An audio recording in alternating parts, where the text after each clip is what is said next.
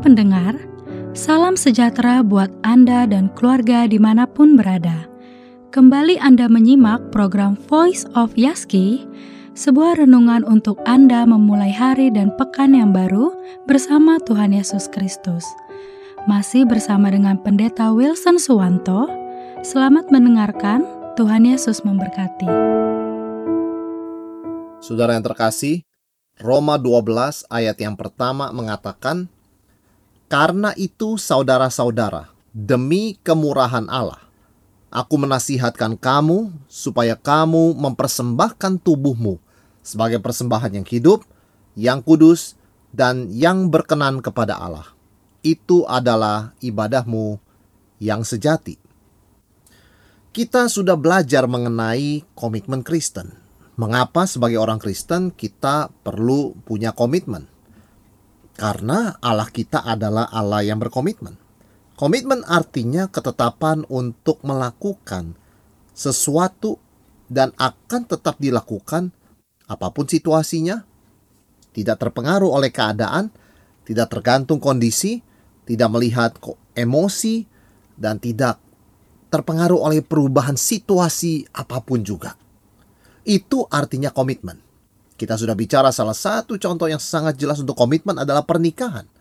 Ketika sepasang pria dan wanita mengucapkan janji nikah di hadapan Tuhan dan di hadapan jemaatnya, mereka berkomitmen.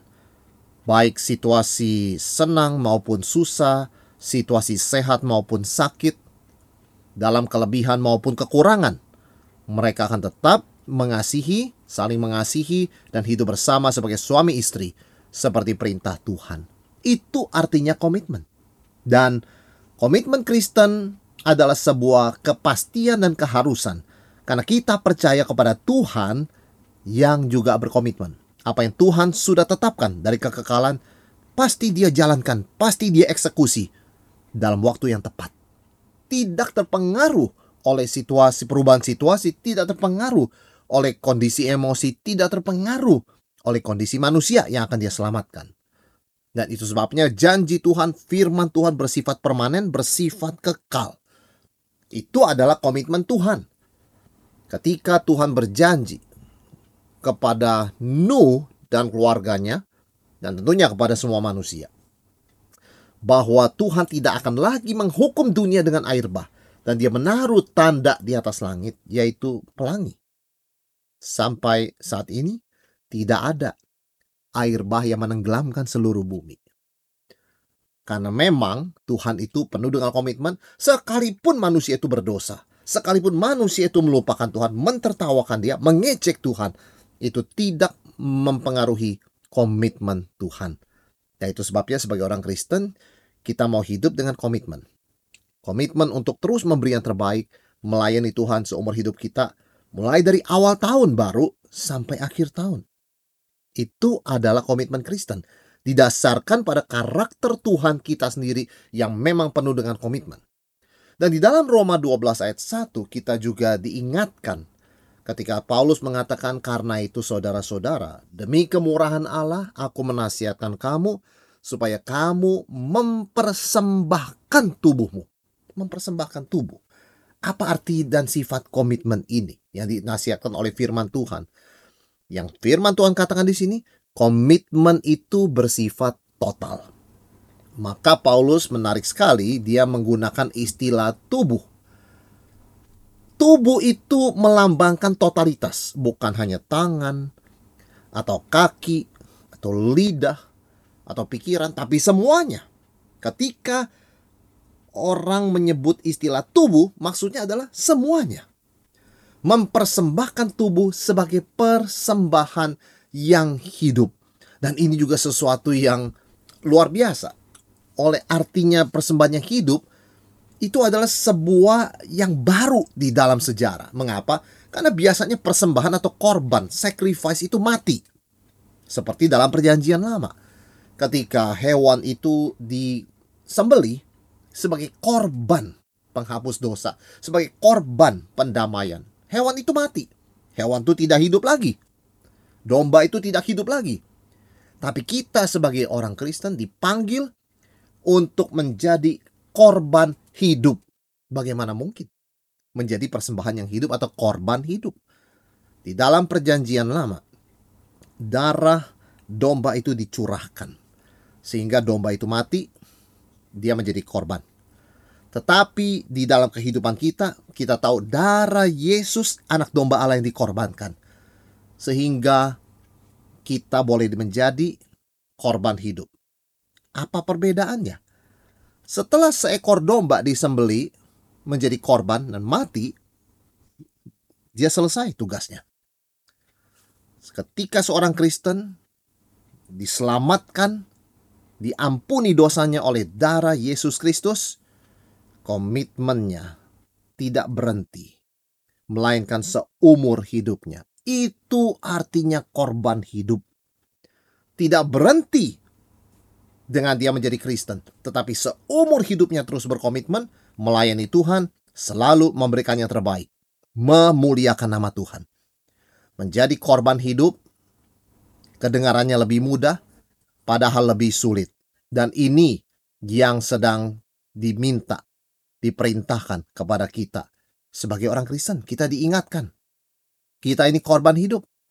Ketika kita mengatakan ya kepada panggilan pelayanan, itu artinya seumur hidup kita akan melayani Tuhan. Tidak ada pensiunan, tidak ada berhenti, tidak ada meninggalkan panggilan Tuhan. Komitmen itu bersifat total dan bersifat seumur hidup. Itu yang dimaksud dengan mempersembahkan tubuh sebagai korban hidup.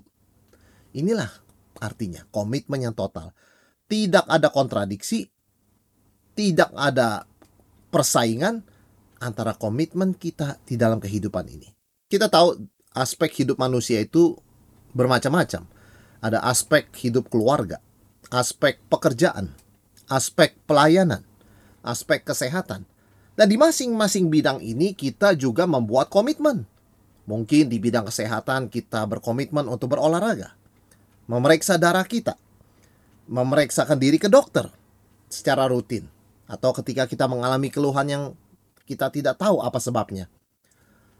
Di dalam keluarga kita juga kita ada komitmen. Kita mau menjadi suami atau istri yang lebih baik menjadi orang tua yang lebih berhikmat dan mengasihi, menjadi teladan bagi anak-anak kita.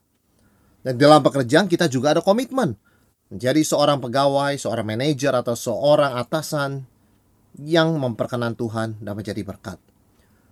Dan tidak ada konflik di antara komitmen-komitmen ini. Artinya apa? Seorang Kristen tidak akan berkata, "Oh, karena saya begitu banyak komitmen dalam bidang pekerjaan, saya tidak usah komitmen dalam pelayanan. Tidak ada orang Kristen berkata begitu. Itu bukan komitmen Kristen. Tidak ada orang Kristen boleh berkata seperti ini. Karena komitmen saya begitu berat untuk pekerjaan, saya tidak perlu berkomitmen untuk hidup keluarga saya. Serahkan saja kepada pasangan saya untuk membesarkan anak-anak. Tidak ada.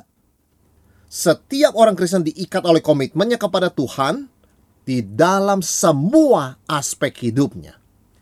Tidak ada satu komitmen boleh dikorbankan demi komitmen yang lain. Semuanya harus dijalankan untuk kemuliaan nama Tuhan. Di dalam batas-batas yang telah ditetapkan oleh Tuhan. Dan semuanya dijalankan dengan setia, dengan sepenuh hati untuk Tuhan. Nah ini artinya komitmen yang bersifat total. Kita tahu ada godaan untuk kita berkata karena saya terlalu sibuk dengan keluarga saya, saya tidak mau ikut pelayanan. Tuhan mengertilah. Kita tahu ada godaan seperti itu. Ada juga mungkin godaan ya karena saya begitu sibuk dalam pekerjaan, ya saya juga tidak mau uh, melakukan tugas-tugas saya di keluarga. Saya serahkan itu kepada istri saya misalnya. Kita tahu ada godaan seperti itu, tetapi itu adalah godaan untuk meninggalkan komitmen total. Karena komitmen yang total itu artinya di antara semua aspek kehidupan, komitmen kita di keluarga, komitmen kita di pelayanan, komitmen kita di dalam kesehatan, dalam berbagai aspek lainnya, tidak ada kontradiksi. Ada harmoni. Karena kita lakukan semua itu dengan sebuah semangat, sebuah spirit untuk memuliakan nama Tuhan. Ada seorang yang berkomitmen dalam pekerjaan. Yang terlalu sibuk dan sering kali dia berkata kepada teman-teman di gerejanya, saya tidak bisa ikut pelayanan. Saya tidak bisa lagi terlibat dalam pelayanan. Ini adalah komitmen yang belum bersifat total. Artinya komitmen kepada satu bidang membuat dia mengabaikan komitmen bidang lainnya. Sebaliknya, ada orang yang meskipun dia sibuk, meskipun dia banyak komitmen lainnya, namun tetap mengambil bagian di dalam pelayanan. Karena dia ingat, dia adalah orang Kristen, dia adalah korban hidup, dia dipanggil untuk mempersembahkan tubuhnya sebagai persembahan yang hidup yang kudus dan berkenan kepada Allah. Dan semua komitmen itu dilakukan dan ditujukan untuk Kristus. Kristus adalah Tuhan atas semuanya, semua aspek hidup kita. Lord of all. Seorang Perdana Menteri Belanda Abraham Kuyper, seorang teolog Kristen, pernah berkata tidak ada satu jengkal pun yang bukan milik Yesus. Nah, kalau Yesus bukan Tuhan atas semuanya, maka dia bukan Tuhan sama sekali dalam hidup orang itu. Komitmen Kristen itu bersifat total, tidak pernah parsial. Memang di dalam menjalankan komitmen kita, kita tidak sempurna. Ada banyak kelemahan, ada banyak hal kita abaikan, ada banyak hal kita kompromikan, ada banyak hal kita korbankan. Tetapi kita ingat dan kita kembali kepada arti dari komitmen Kristen, yaitu bersifat total. Artinya kita mohon Tuhan mengampuni kesalahan kita, kita mohon Tuhan mengampuni segala kelemahan kita, dan kita mohon Tuhan memberikan kekuatan dan hikmat supaya kita bisa menjalankan semua komitmen ini dengan baik. Dan tidak ada satu area komitmen yang berani kita abaikan demi menjalankan komitmen di bidang lainnya. Karena kita percaya kepada Yesus yang adalah Tuhan atas seluruh hidup kita, bukan hanya sebagian. Yesus adalah Tuhan atas keluarga kita. Yesus adalah Tuhan atas pekerjaan kita. Yesus adalah Tuhan atas dunia usaha kita. Yesus adalah Tuhan atas keuangan kita. Yesus adalah Tuhan atas gereja dan pelayanan kita. Dan karena itu, di segala aspek hidup ini, kita melihatnya sebagai komitmen kita melayani Tuhan Yesus. Karena kita melakukannya untuk Tuhan, kita memandang kepada Kristus, kita memberikannya terbaik kita mengandalkan kekuatan Tuhan dan kuasa Roh Kudus untuk bisa menjalankan tugas-tugas ini dengan baik.